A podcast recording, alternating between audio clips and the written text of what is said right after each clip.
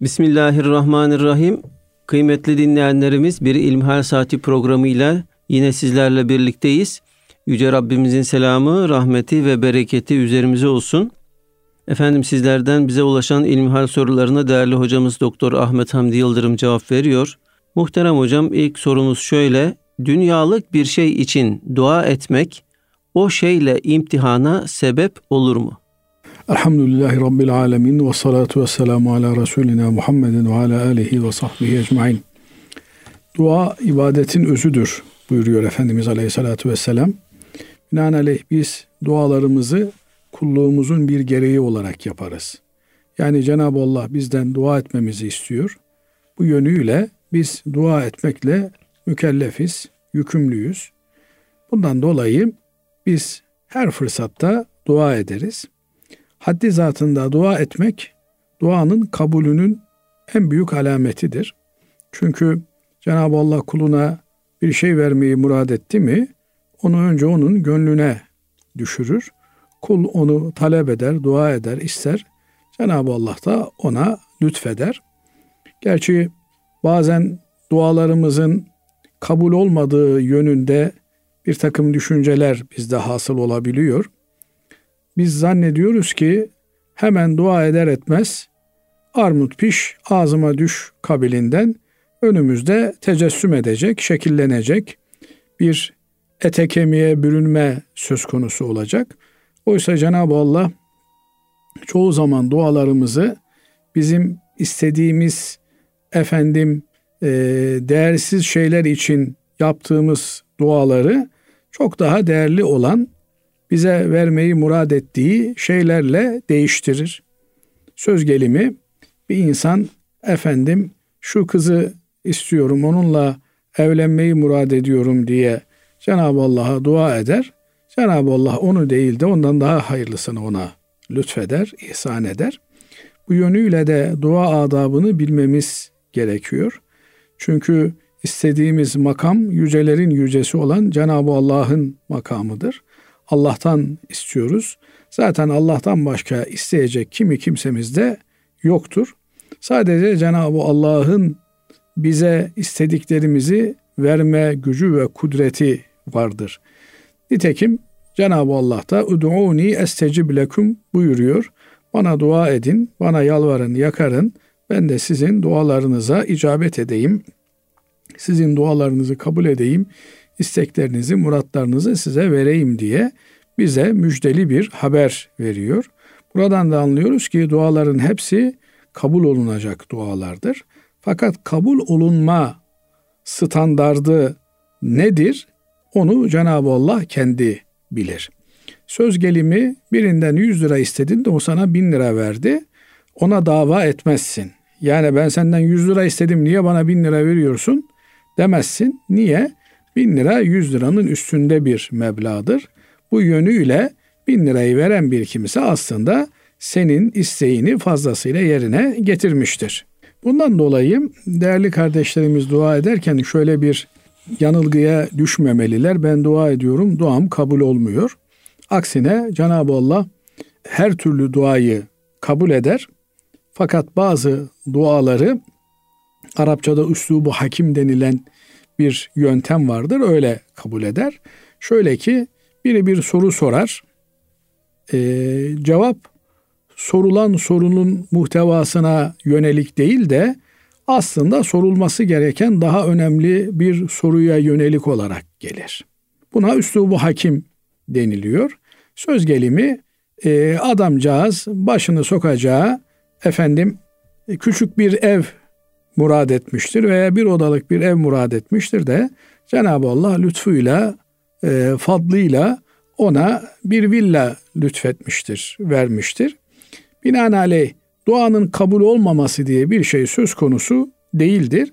Nitekim Hazreti Peygamber aleyhissalatü vesselam Efendimiz de dua ederken ve entum muqinune bil icabe kesinlikle size Cenab-ı Allah'ın e, kabul vereceğini bilerek dua ediniz buyuruyor. Yani Allah'tan istedim Allah bana verecek ama zamanını ve yerini Cenab-ı Allah kendi bilir. Nitekim e, biz Cenab-ı Allah'tan bir şey isterken Yani onun hemen bizim isteğimizi burnumuzun dibinde bitirmesi gibi bir şey söz konusu olamaz. Burada kardeşimizin sorusuna yönelik olarak da söylememiz gereken husus şudur. Her şey günah olmadığı sürece dua kapsamı içerisine girer. Ama günah olan, haram olan bir şey Cenab-ı Allah'tan istenmez. Allah'a isyan olan bir şey Cenab-ı Allah'tan istenmez. Mesela bir adam Allah'ın yasakladığı, haram kıldığı bir şeyi, bir işi Cenab-ı Allah'tan istemesi onun diniyle, onun şeriatıyla bir nevi istiza etmek gibi olacağından adamı dinden imandan da eder. Söz gelimi işte evli olan bir kadınla evlilik hayatı yaşamayı Allah'tan istiyorsa bu e, bu haliyle mümkün olmayacak bir şeydir. Çünkü bu bir haram ilişki anlamına gelir. Bunu Allah'tan istemenin e, bir kula sorumluluk ve günah yükleyeceği, masiyet sayılacağı açıktır. Ama günah olmayan, isyan olmayan, Allah'a masiyet olmayan, Allah'ın haram e, kıldığı bir şey olmadığı sürece her şeyi Allah'tan isteyebilir bir kul. Öyle ki sahabe-i kiram efendilerimiz ayakkabısının efendim bağcığı olmamış olsa onu da Cenab-ı Allah'tan isterlerdi. Her şeyi Cenab-ı Allah'tan istemek lazım. Bunun içerisinde dünyevi ve uhrevi diye bir ayrım söz konusu değil. Nitekim bir Müslümanın dünyayı talep etmesi de aslında ahirete yönelik vazifesinin, görevinin gereğini yerine getirebilmek için uygun bir zemini talep etmesi anlamına gelir. Ya Rabbi bana infak edebileceğim, senin yolunda harcayabileceğim bir servet ver. Ya Rabbi e, başımı sokacağım bir ev endişesi olmadan sana ibadet edebileceğim bir mesken bana lütfeyle. Nihayetinde dünyalık olarak görülen şeyleri bile ahirete bir sermaye mahiyetinde istemesi lazım bir kulun. Söz gelimi ya Rabbi sana beraberce kulluk yapabileceğimiz dinimin yarısını tamamlayabileceğim bir eş bana lütfet diye Cenab-ı Allah'a lütfeder. Efendim sohbetlere gidebileceğim, Müslümanları da götürebileceğim, hayırda kullanabileceğim bir araç lütfet gibi her istediği şeyi bir ahirete yönelik e, illete, sebebe efendim bağlamak suretiyle o isteğinin aslında pür, saf, dünyalık değil, ahirete yönelik bir tarafının olduğunu da ifade eder. Ma mafi biz kullar bazen aleyhimize olacak şeyi, kötülüğümüze olacak şeyi de Cenab-ı Allah'tan isteyebiliyoruz. Mesela ısrarla adam bir evlat sahibi olmayı istiyor, arzu ediyor. Bazen bu ısrarlı olan mutlak dualar kişinin başına iş açabiliyor. Bundan dolayı mutlak bir şekilde dua etmek yerine Allah'tan hayırlı olanı istemek lazım gelir diyor büyüklerimiz. Ama aklınıza her ne gelirse gelsin hasta bir insan şifa için Cenab-ı Allah'a ellerini kaldırıp dua ederken Allah'ım hayırlı şifalar lütfeyle. Evladı olmayan bir kimse Cenab-ı Allah'a ellerini kaldırıp dua ederken Allah'ım hayırlı evlat lütfeyle. Malı mülkü olmayan bir kimse mal mülk isterken Allah'ım hayırlı mal mülk lütfeyle diye dua etmelidir. İstediğimiz her şeyin hayırlısını istemeliyiz. Çünkü bazen bizim gözümüzde hayır olarak görünen şey akibeti, sonucu, neticesi itibarıyla şerre dönüşebilir, kötülüğe dönüşebilir. Nitekim zaman zaman duyuyoruz, görüyoruz, okuyoruz, seyrediyoruz, dua ediyor anne baba senin gibi evlat olmaz olsaydı diyor. Oysa o çocuk dünyaya geldiğinde ne kadar sevinmişlerdi. Dünyaya gelmesi için ne kadar dua etmişlerdi. Yine efendim en son büyük bir hadise yaşadık memleketimizin doğusunda, güneyinde büyük bir afet oldu, büyük bir deprem oldu. Orada insanlar enkazın altında kaldılar. Bir kadıncağız çıktı dedi ki efendim çocuğumuza ev almışız. Meğersem dünyanın parasını vererek onlara mezar satın almışız. Yani bizim hayır gibi gördüğümüz, sevinçle karşıladığımız bir takım şeyler bizim netice itibarıyla felaketimize yol açabiliyor. Yine işte geçenlerde yine böyle bir haber gündeme düştü. Ee, batı illerinden birinde 16 yaşındaki bir kız çocuğu arkadaşıyla beraber babasının arabasını işte yakınının arabasını alıyor ehliyetsiz bir şekilde araba kullanırken kaza yapıyorlar. İki yavrumuz da orada ölüyor. Bunlar ne kadar büyük acılar. Şimdi bu baba belki de bu aile arabayı alırken ne kadar sevinmişlerdi ama o arabanın onların efendim felaketine yol açabileceğini hiç akıllarına getirmemişlerdi. Binaenaleyh ne istersek isteyelim Cenab-ı Allah'tan isteğimizin başına hayırlısı ifadesini koymamız gerekir. Allah'ım hayırlısıyla hacca gitmeyi nasip eyle. Allah'ım hayırlısıyla ümre yapmayı nasip eyle diye her sözümüzün başına ister dünyevi ağırlıklı ister uhrevi ağırlıklı olsun bu ifadeyi kullanarak dua etmemiz daha uygun, daha iyi olacaktır. Az önce de ifade etmeye çalıştığımız gibi hayrın ve şerrin ne olduğunu bilemiyoruz. Nitekim Kur'an-ı Kerim'de sizin hayır olarak zannettiğinizde şer, şer olarak zannettiğinizde hayırlar bulunabilir diyor. Bundan dolayı sonucuna bakmak lazım. Nihayetini iyi görmek lazım. Ee, Kur'an-ı Kerim'de Efendimiz Aleyhisselatü Vesselam'a hitaben Cenab-ı Allah sonun senin için velel ahiretu hayrun leke minel ula başlangıçtan daha hayırlı olacaktır diyor. Bunun bir başka ifadesi de ahiret dünyadan daha hayırlıdır. Nitekim ahiret kelimesi de ölümden sonra başlayacak olan hayat da son anlamına geliyor. Yani bu dünya hayatı bir şekilde sonlanacak. Sonunda ahiret dediğimiz bir hayat başlayacak. O hayatta lehimize olan şeyleri biriktirmeye gayret etmemiz lazım. Dualarımızı da oraya yönelik olarak yapmamız lazım. Bir diğer husus da dualarda zaman ve mekan gibi belirleyici unsurları kullanmak doğru değildir diyorlar.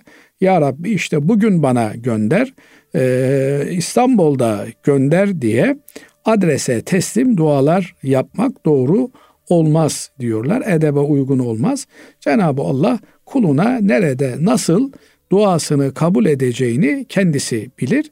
Bize düşen dualarımızı ahiret sermayesi yapmaya yönelik bir gayretin içerisinde olmamızdır. Dua bizatihi bir ibadettir çünkü. Hatta ibadetin özüdür diyor Hazreti Peygamber Efendimiz. Başta da ifade ettik. Binaenaleyh duayı bu keyfiyetiyle yapmak lazım. Yani bir ibadet niyetiyle oturup kıbleye dönüp ellerimizi kaldırıp öncesinde hamdelesini, salatü selamını okuyup Ya Rabbi sana geldim, senin kapına iltica ettim. Sen benim şu e, ihtiyaçlarım var, onları hayırlısıyla karşıla diye arzu halde bulunmak lazım. Dilekçeyi o yüce makama vermek lazım. Neticesinin de mutlak surette bizim için hayır olacağından emin olmak lazım. Ama yarın ama yarından da yakın bir zaman diliminde Cenab-ı Allah bize hayır neticeler, hayır icabetler bahşedecektir. Unutmamak gerekiyor ki dua edebilmek haddi zatında en büyük mükafattır kula. Yani insan başı sıkıştığında, daraldığında müracaat edebileceği, bütün problemlerinin çözüldüğüne inandığı bir makam, bir mevkinin e, sahibi olan Allah'a inanıyor olması muazzam bir e, psikolojik destektir, manevi destektir. Bu yönüyle duanın psikolojide e, terapi olarak kullanıldığını da biliyoruz. Dua terapisi diye. Kul böylelikle kendisini e, evrenin, kainatın, bütün e, yaratılmış alemin sahibi olan Allah'a ait, Allah'ın e, kulu hissetmek suretiyle kendinde bir güç de ve e, duasını ettiği, istediği şeyleri elde etmeye yönelik de bir enerji bulacaktır. Bu yönüyle ister dünyalık ister ahiretlik günah olmadığı sürece efendim. Dünyalıkta mesela insan bir araba istiyor Cenab-ı Allah'a ya Rabbi bana hayırlısıyla bir araba lütfen çoluğumu çocuğumu işte hafta sonları gezdireyim şöyle olsun böyle olsun diye bu en tabii bir hakkı ama işte millete hava atayım efendim benim imkanlarım çok zengin olduğumu göstereyim diye riya veya suma dediğimiz desinler diye bir art niyet barındırıyorsa elbette bu tür şeylerin günah olacağını ve bunları istemekten de imtina etmemiz gerektiğini söylemek lazım. Allah razı olsun kıymetli hocam. Efendim şimdi ikinci bir sorumuz şöyle. Ramazan ayını idrak ettik, bayramı idrak ettik. Kameri aylardan Şevval ayına e, girmiş bulunuyoruz. Şevval orucu ne demektir? Bunun fazileti hakkında e, neler söylersiniz değerli hocam? Şimdi tabii büyük bir e, mevsimi geride bırakmış olduk. Ramazan-ı Şerif büyük bir kazanç mevsimiydi. Hem gündüzlerini oruçlu olarak geçirdik hem de gecelerini ibadet yoğun, namaz yoğun bir e, şekilde geçirdik. Geceleriyle, gündüzleriyle gündüz saim, gece kaim denilen gündüzü oruçlu, gecesi namazlı çok yoğun bir mevsim geçirdik. Aynı zamanda da sadakalar vermek suretiyle zekatımızı bu ayda dağıtmaya gayret ettik. İyilikler, iftarlar vesaireler hakikaten ibadet yoğun bir hayat geçirdik. Dini mübini İslam ibadetlerin yoğun olan ibadetlere girişte de bir antrenman, bittikten sonra da birden soğumamak, birden kopmamak için tedrici olarak bir ayrılış öngörmektedir. Mesela bakıyorsunuz namazın önünde, farz namazın önünde sünnetler var. Farz namazdan sonra bir daha sünnet var.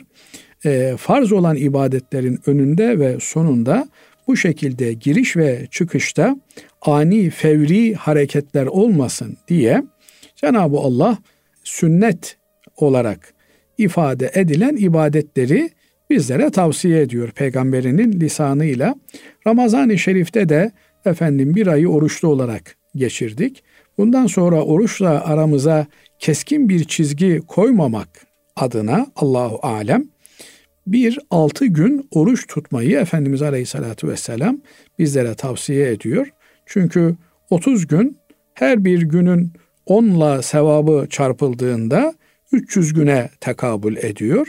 Ama sene 360 gün işte 355 veya 365 neyse miladi veya e, hicri takvime göre burada geriye kalan e, 6 gün bir oruç daha tutulduğunda senenin tamamı oruçlu geçirilmiş şeklinde bir keyfiyet söz konusu oluyor. Bu bu yönüyle de bütün seneyi oruçlu geçirmek gibi kabul edileceğinden tutulması e, tavsiye edilen bir oruç olmuş. Efendimiz Aleyhisselatü Vesselam Şevval'den 6 gün oruç tuttuğuna ve bunu e, tavsiye ettiğine dair hadislerde Efendimiz Aleyhisselatü Vesselam'ın fiili ve sözlü sünnetini görüyoruz. Binaenaleyh Müslümanların da bu sünnete uyması lazım gelir. Diğer taraftan Şevval yani Ramazan'dan sonra gelen kameri takvimde Şevval ayıdır. Bu Şevval ayında 6 gün orucu tutmak gerekiyor. Diğer yandan Şevval'den sonra da hatta Şevval'in içerisinde de pazartesi, perşembe günlerini imkan mertebesinde, nispetinde oruçlu geçirmeye gayret etmek lazım.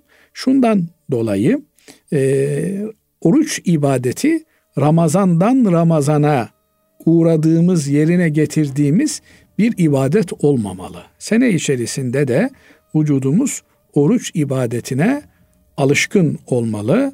Bağışıklık sistemimiz ona göre şekillenmeli. Böylelikle Ramazan-ı Şerif orucunu daha rahat geçirebiliriz.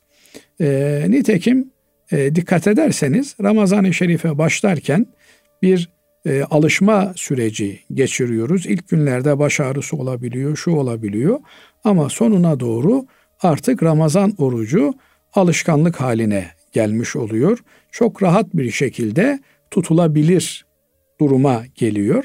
Ben de biraz da e, şaka yollu tam alışmıştık mübarek Ramazan ayına bitiyor diye bazı arkadaşlara söyledim. Hakikaten bu alışmışlık halinin devamı için Şevval'de 6 gün orucu ihmal etmemek lazım. Ondan sonra da efendim Eyyamu Bid denilen her kameri takvimin 13, 14, 15'ini oruçla geçirmek, pazartesi, perşembe günlerini oruçla geçirmeye gayret etmek lazım. Ama özellikle de hanım kardeşlerimizin eğer Ramazan-ı Şerif'ten kalan borçları varsa bu borçlarını Şevval'de ikmal etmeleri lazım. Şevval'de tutacakları 6 gün oruçla e, kaza oruçlarını birleştirebilirler mi? Bazı alimlerimiz bunun birleşebileceğini söylerler. Hiç olmazsa e, ikisine de niyet etmiş olurlar. Ama öncelikli niyetleri efendim kaza oruçlarını tutmak olur. Ya Rabbi niyet eyledim üzerime kaza kalan en sonki Ramazan'ın en sonki gününün orucunu tutmaya diye ya sondan ya da baştan silmeye başlamak suretiyle oruçlarımızı tutmamız lazım. Daha doğru olanı tutamadığımız oruçları özellikle de hanım kardeşlerimiz için e, belli dönemlerde oruç tutmaları yasak olduğundan dolayı ama namaz gibi değil namaz da kılmaları yasak fakat namazı kaza etmeleri istenmiyor ama orucu kaza etmelerini istiyor dinimiz. Niye? Efendimiz Aleyhisselatü Vesselam'ın sünneti öyle. Öyle öğretmiş sahabe hanımlarına. O nasıl öğretmişse biz de dini öyle yaşıyoruz. Yoksa kendi mantığımıza, kendi kafamıza, kendi akli çıkarımlarımıza göre din yaşayacak halimiz yok. Binaenaleyh e, en sonki Ramazan ayından üzerime borç kalan en sonki günün orucunu tutmaya diye oruç tutarlar. Böylelikle 6, 7, 8 neyse efendim Ramazan'da tutamadıkları onu öncelikle tutmaya gayret ederler. Ha, buna ilaveten ayrıca pazartesi, perşembe günlerini de tutabiliyorsa bir Müslüman zaten e, bir ayda e, 4 hafta var. 4 kere 2 8 gün oruç tutmuş olurlar. Bu Şevval ayında tutulması gereken 6 gün orucun yerine de geçmiş olur inşallah. Bunu da ihmal etmemek gerekiyor. Ama bünyesi zayıf olan, efendim bir takım hastalıklardan şikayeti olan kimseler illa da bu orucu tutmak için kendilerini zorlamalarına gerek yok. Ramazan orucunu rahatlıkla tutabilmiş olan kimselerin bu oruçları da tutmaları iyi olur, güzel olur, tavsiye edilen bir sünnettir. Bunu da ihmal etmemek lazım gelir. Teşekkür ederiz. Allah razı olsun değerli hocam. Kıymetli dinleyenlerimiz şimdi kısa bir araya gidiyoruz. Aradan sonra kaldığımız yerden devam edeceğiz. Kıymetli dinleyenlerimiz İlmihal Saati programımızda kaldığımız yerden devam ediyoruz. Muhterem hocam dinleyicimiz şöyle bize yazmış. Yolculuk yaparken namazı ilk vaktinde otobüste oturarak mı kılmak gerekiyor? Yoksa molada kılmak mı daha iyidir diyor. Şimdi namazla ilgili bilmemiz gereken temel meselelerden bir tanesi namazın şartlarıdır. Sonra namazın rükünleri. Bunu Sıbyan mektepleri dediğimiz memleketimizde genelde yaz tatillerinde Kur'an kurslarında veya camilerde yapılan eğitimlerde gördüğümüz eğitime diyoruz. Buralarda bize namazın farzı 12'dir. Altısı dışından, altısı içinden. Dışından olanlara şart, içinden olanlara rükün denir, deniliyordu. Şart ne demek? Olmazsa olmaz demek. Yani bu iş bu işin şartıdır denildiğinde o şart olmadan o iş olmaz demektir. Binaenaleyh namazın şartı nedir? Abdestli olmaktır, temiz olmaktır, kıbleye dönmektir, efendim setri avrettir vesaire vesaire. Bu şartlardan biri dahi eksik olsa eğer imkanı olan biri tarafından yerine getirilmemişse o zaman namaz geçerli bir namaz olmaz. Çünkü şart yok, şart kılındığı şey de yok demektir. Abdestsiz bir kimsenin namazı olmaz. Çıplak bir kimsenin namazı olmaz. Kıbleye dönmeyen bir kimsenin namazı olmaz vesaire vesaire. Ama imkansızlıklardan dolayı ise Adam suğlamamış veya hasta teyemmüm yapar. Teyemmüm yapabilecek kadar da gücü kuvveti yoksa o zaman onun üzerinden alimlerimizden bazıları namazın düşeceğini söylerler. Veya çıplak efendim hapise atmışlar, elbise vermemişler. O zaman oturarak namaz kılar. İmkansızlıklar söz konusu olduğunda durumlar değişebiliyor. Ama normal şartlarda bu namazın şartları dediğimiz şeylerin yerine gelmesi lazım. Bunlardan bir tanesi de kıbleye dönerek namaz kılınır. Bu bir. İkincisi namazın rükünleri dediğimiz yani namazın içinde olan farzların başında iftitah tekbiri gelir. Sonra kıyam gelir. Yani namaz ayakta başlanılan bir ibadettir. Sonra kıraat gelir, sonra rükû, sonra secde gelir. Ama namazın en temel rükünü, en ana e, rükünü secdedir. Yani secdeye gitmek gerekiyor. Secdeye gitmek ne demek? Efendim e, yere kapanmak demek. Bu yere kapandığımızda alnımızın, ellerimizin, ayak dirseklerimizin ve ayaklarımızın yere bitişik olması lazım gelir. Yedi azadır bunlar. Alın, eller, ayak dirsekleri ve ayaklar. Binaenaleyh bu yedi azanın yere yapışması, yere temas etmesi secdenin olmazsa olmaz şartıdır. Bunlara bir de burun ilave edilir ki burunda efendim vacip olarak yere temas etmesi gereken bir organımızdır. Şimdi böyle olunca e, otobüste namaz kılmamız söz konusu olduğunda birincisi kıbleye dönük olarak namaz kılma imkanımız pek görünmüyor. İkincisi ayakta namaz kılma imkanımız görünmüyor. Üçüncüsü rükûa gitme imkanımız çok kısıtlı. En önemlisi belki secdeye gitme. Çünkü otobüste oturarak en fazla namaz kılmak durumundayız ki teknik olarak buradaki oturarak namaz kılmanın fıkıh literatüründeki ilmi haldeki karşılığı ima ile namaz kılmaktır. Yoksa oturarak namaz kılmak en azından nafile ibadetlerde e, söz konusu olabilir.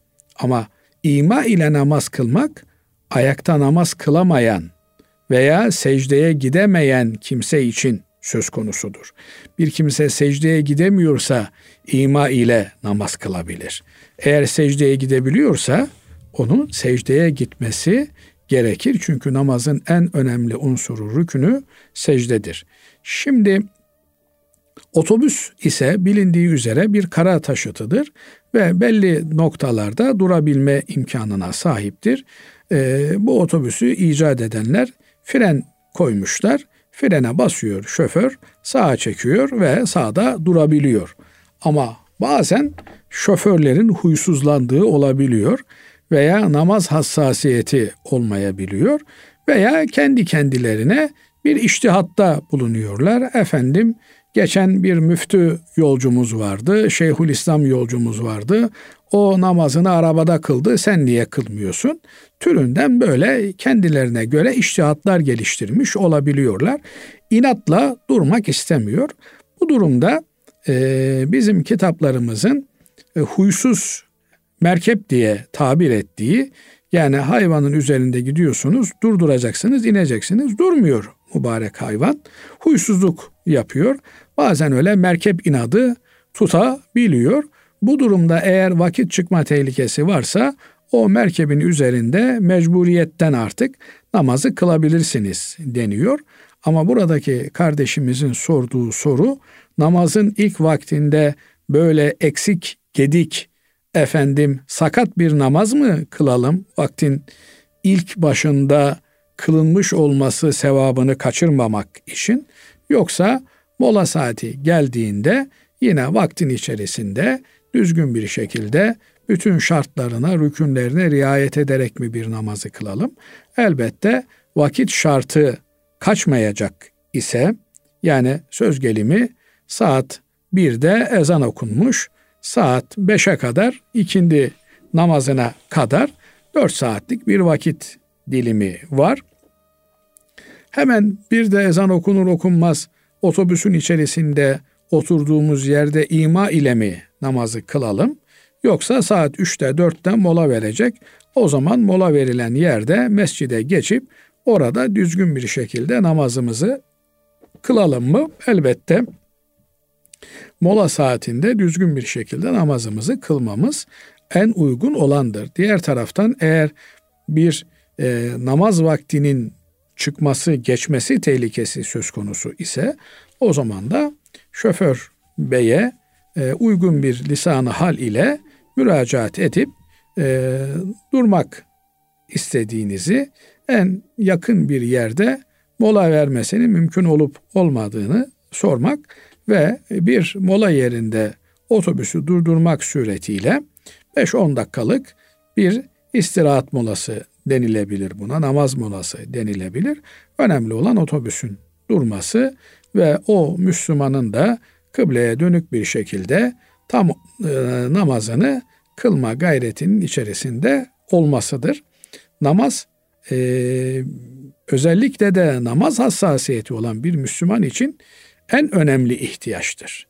Şimdi otobüste çok affedersiniz e, fıtri ihtiyacı olan, beşeri ihtiyacı olan kimselerin ihtiyaçlarını karşılamak için vakitli vakitsizce şoförler mola verebiliyorlar. Diğer taraftan İslami hassasiyeti olan, namaz hassasiyeti olan biri için de bir travmadır vaktin geçmesi. Yani psikolojik bir bunalımdır vaktin geçmesi ve namaz kılamamak. E, dolayısıyla bu hassasiyetine de insanların efendim e, otobüs firmalarının şoförlerinin e, riayet etmesi gerekiyor.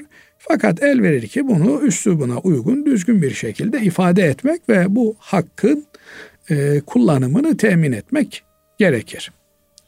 Evet Allah razı olsun hocam. Şimdi başka bir dinleyicimiz şöyle bir soru bize göndermiş. Selamünaleyküm hocam diyor. Benim bir sorum olacaktı sizlere. Beş sene önce ben ailemin haberi olmadan dini nikah kıydım. Ailemin isteklerinden dolayı çok şey istediler. Çocuktan yaklaşık bir kilo altın artı ev istediler. Çünkü çocuk yabancıydı. Biz de aramızda haram olmasın diye ailemden gizli imam nikahı kıydık. Onun tarafından da ailesi bilmiyor. Sadece arkadaşlarımız biliyor. Son olarak yaklaşık 3 ay konuşmayınca ben de beni boşamasını istedim. O da İngilizce olarak beni boşadı. Ama ikimiz de çok ağladık, ağladık ve çok pişmanız çünkü çok savaştık bu ilişki için, evlenmek için. O da çok çabaladı. Maddi imkanları yetmedi beni ailemden almaya. Ne yapabilirim hocam? Bunun fetvası var mı diyor. Şimdi bu çocuklarımız tabii çok ciddi bir hata yapmışlar. Çok ciddi bir yanlış yapmışlar. Nedir o? Evlilik müessesesi en kutsal e, sosyal müesseselerimizden biridir. Binaenaleyh bu müessesenin toplum bilgisi dahilinde olması gerekir. Hele de annenin, babanın, ailenin bilgisi dışında böyle bir yapı kurmak mümkün değildir. Nitekim bunlar da evliliği bir oyun zannetmişler. Yani e, çocukların işte 4-5 yaşındaki çocukların oynadığı gibi bir evcilik oyunu oynadıklarını düşünmüşler. Ama bu yaptıklarının yanlış olduğunu gün geçtikçe daha fazla hissetmeye başlamışlar. Öncelikle bu yanlıştan dönmeleri gerekiyor. Öncelikle e, usulüne uygun bir şekilde annenin babanın rızasıyla bu evlilik bağını, birlikteliğini oluşturmaları gerekiyor. Evet, e, Hanefi mezhebinde buluğ çağına ermiş olan yetişkin bir hanımın ben evlendim ifadesi ile evlilik bağı kurulmakta. Fakat bu hukuki olarak kurulan bir bağdır. Ama işin dini boyutu, ahirete yönelik olan tarafı anne babanın rızası olmadan bir çocuğun ister erkek olsun ister kız olsun anne babanın rızası olmadan herhangi bir işi yapmaları doğru olmaz. Hatta ve hatta e, Efendimiz Aleyhisselatü Vesselam'a soruluyor e, en faziletli amel, ibadet nedir diye Efendimiz Aleyhisselatü Vesselam Allah yolunda cihattır diyor. Cihada giderken bile anne babanın rızası olmaz ise o zaman cihada gidemiyor çocuk. Nitekim Efendimiz Aleyhisselatü Vesselam'a biri geliyor. Ya Resulallah diyor ben sizinle cihada katılmak istiyorum diyor. Allah yolunda Allah'ın dinini yaymak için, insanlara ulaştırmak için savaşmak istiyorum diyor. Efendimiz Aleyhisselatü Vesselam ona anan baban sağ mı diyor. Evet ya Resulallah diyor. O zaman diyor onların rızasını aldın mı? Yok diyor ya Resulallah. Onları diyor nasıl ağlattınsa git onları öyle güldür diyor. Rızalarını al. Senin cihadın onlara hizmet etmendir diyor. Binaenaleyh cihat dediğimiz ibadetlerin en değerlisi, en üstü olan bir eylemde bile ana baba rızası arıyor Hazreti Peygamber aleyhissalatü vesselam Efendimiz. Evet evlilik de bir ihtiyaçtır. Bu ihtiyacın olabildiğince erken dönemlerde giderilmesi, görülmesi gerekir. Yani çocuklar 18 yaşlarına geldiklerinde ve hem hal ilk günden bu çocukların evlendirilmesi olmalıdır. Özellikle de günümüz şartlarında efendim anne babalara düşen evlatlarını bir an önce evlendirmek ve e, bu yozlaşmışlığın karşısında sağlam aile temellerinin atılmasına yardımcı olmaktır. Evlendirirken de efendim her şeyini yapalım, evleri tas tamam olsun, evlerinde hiçbir eksik kalmasın, iğneden ipliğe her şeylerini hazır edelim gibi bir düşünce de olmasın. Aksine bu çocuklar, evlenen çiftler kendi evlerini kendi emekleriyle, kendi ortak e, efendim eylemleriyle oluşturmaya çalışsınlar.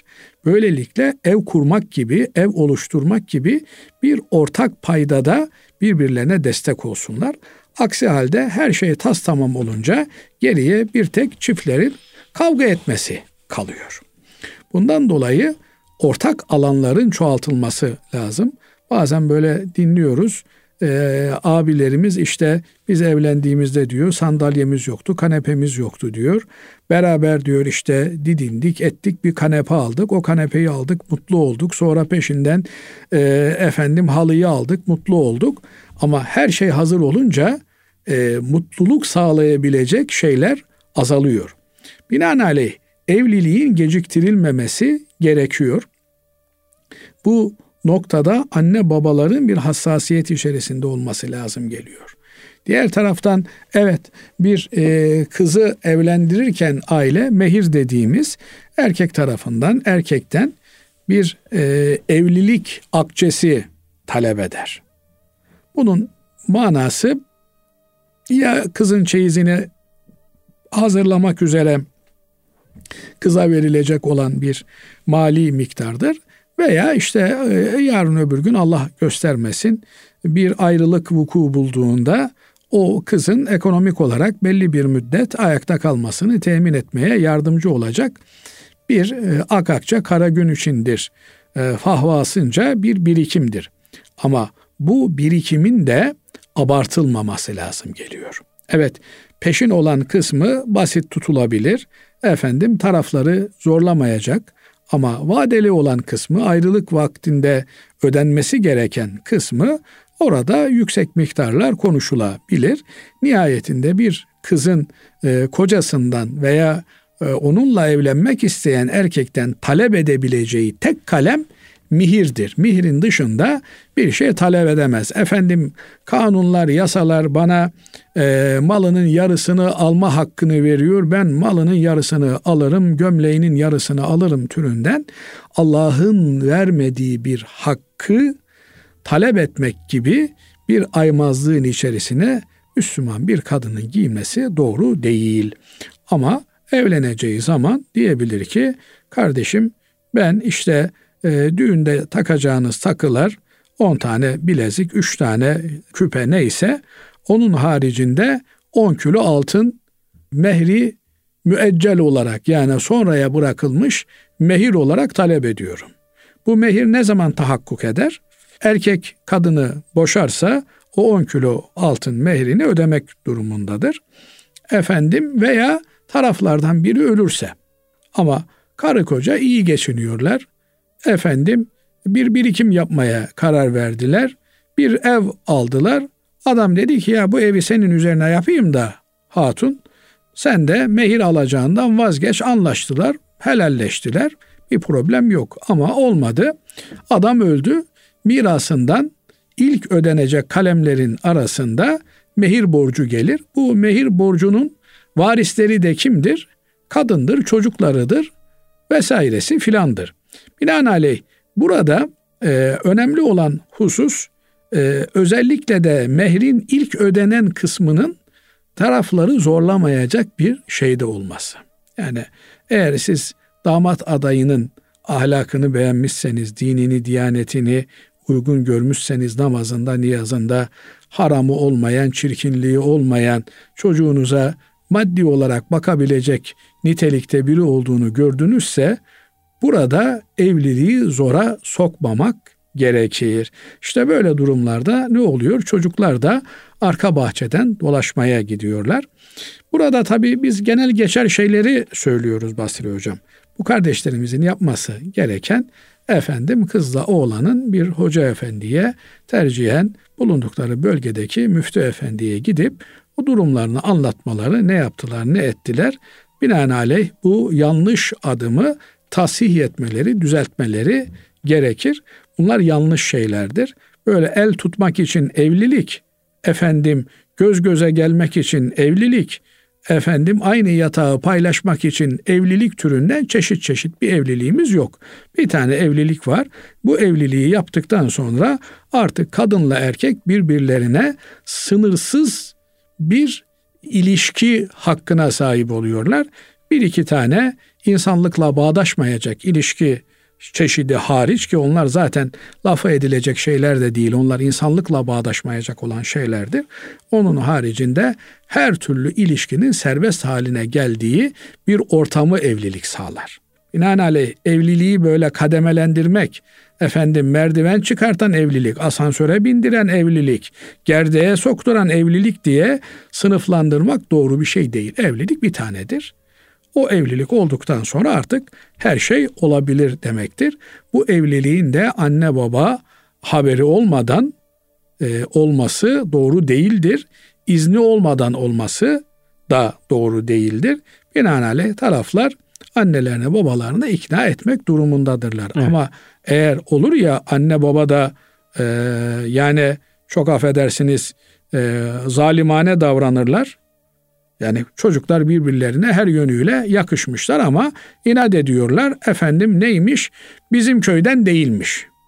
Veya bazen de bizim köydenmiş diye itiraz ediyorlar.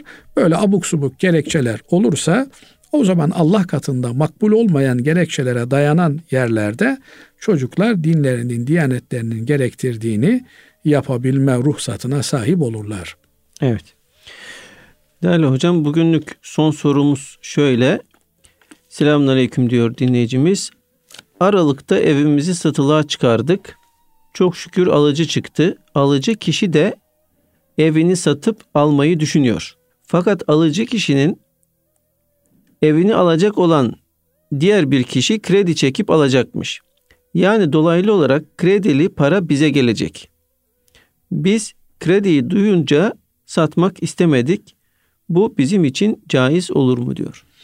Şimdi tabii yani faiz hassasiyeti Müslümanda sürekli bulunması gereken bir hassasiyet. Ama para dediğimiz şey e, misli yani benzeri piyasada bulunan ve benzeriyle iş görülen e, bir ödeme aracıdır. Binaenaleyh paranın üzerindeki seri numarasıyla para muamele görmez. Yani bu parayı Merkez Bankası basmış. Ondan sonra bir meyhanede kullanılmış. Meyhaneden e, bir başka e, manav almış. Manav da gelmiş benden et alıyor kasabım ben. A bu paranın mazisinde meyhaneye uğramışlık var. Bu para haramdır. Binaenaleyh ben bu parayı almam türünden bir paranın üzerinde geçtiği yerlerle ilgili bir e, dolaşım araştırması yapmayız. Eğer sen yaptığın iş helal bir işse ve bu işin müşterisi de meşru bir parayı sana getirip teslim ediyor ise meşru paradan kastım yani bir yerden çalmış çırpmış e, değil. Adam bir evini satmış onu alan adam krediyle bu parayı kullanmış. O adam da geliyor e, senden senin evini parasını ödeyip alacak. Binaenaleyh burada e, son satıcının bir sorumluluğu yoktur. Nihayetinde evini satıyor. Satın alan adam da peşin parayı ödeyerek evini alıyor. Ama bu paranın efendim dolaşım mazisine baktığımızda bankaya uğramış, bankadan gelmiş. Bunlar kuyruğunun kuyruğu tabiri caizse affınıza sığınarak söylüyorum. E, son satıcıyı bağlayıcı şeyler değildir. Ama şöyle bir laf vardır bizim Anadolu'da. Efendim sinek murdar değil ama mide bulandırır derler. Binaenaleyh böyle bir hassasiyetinden dolayı bu kardeşimiz alışverişi iptal e, etmiş. Bu onun e, hassasiyetidir. E, hassasiyetin olması güzel bir şeydir. Hassasiyetlerimizi kaybetmememiz lazım gelir. Ma mafi e, adam hiç söylemeseydi ya işte parayı bekliyorum ben de dairemi satıyorum size paranızı vereceğim şeklinde bir şey söylemiş olsaydı böyle bir sıkıntılı durumda olmayacaktı. Fakat e, fıkıh kitaplarımız bununla ilgili şunu söyler. Para tayin ile tayin etmez. Yani paranın üzerindeki seri numarası bağlayıcı değildir. Binaenaleyh biri gelmiş size borç istemiş. Siz de ona borç vermişsiniz. Geriye size borcunu ödeyeceği zaman aynı seri numaralı parayı getirip ödemez. Ödeyemez de zaten. Yani bu borç alıp verme mantığıyla bağdaşmaz. Sadece bir takım yerlerde bu seri numarası önem arz eder. Bunlardan bir tanesi adam gelmiş size zarfın içerisinde bir emanet bırakmış. O emanet aynıyla yani seri numarasıyla muhafaza edilmelidir. Yok ben buradan alayım da sonra tekrar içerisine efendim 100 lirayı bozdurayım veya bütünleteyim filan şeklinde bir uygulama doğru olmaz. Emanet hassasiyetiyle bağdaşmaz bu. Ama alışverişlerde efendim karpuz aldınız e, adama 200 lira çıkarttınız kaç lira diye sordunuz. Adam da 50 lira dedi. 200 liraya vermediniz de efendim iki tane 20'lik bir tane onluk verdiniz. Yok efendim sen bana 200'ü göstermiştin onu vereceksin türünden bir tartışma abes bir tartışma olur. Binaenaleyh burada da asıl olan e, adamın çalma çırpma ve gayrimeşru bir parayla yaptığı muamele olmadığı sürece efendim e, buradaki satışa bir halel gelmez. Ama e, bizim daireyi sattığımız bir kimse krediyle çekerek bu daireyi alacaksa orada elbette e, mide bulandıran bir durum söz konusu olur. Ama adam kendi dairesini efendim e, birine satmış o bu parayı başka birinden almış o başka biri de başka birinden şöyle almış türünden az önce de ifade etmeye çalıştığım gibi paranın mazisindeki yolculukları bizi bağlamaz. Allahu alem.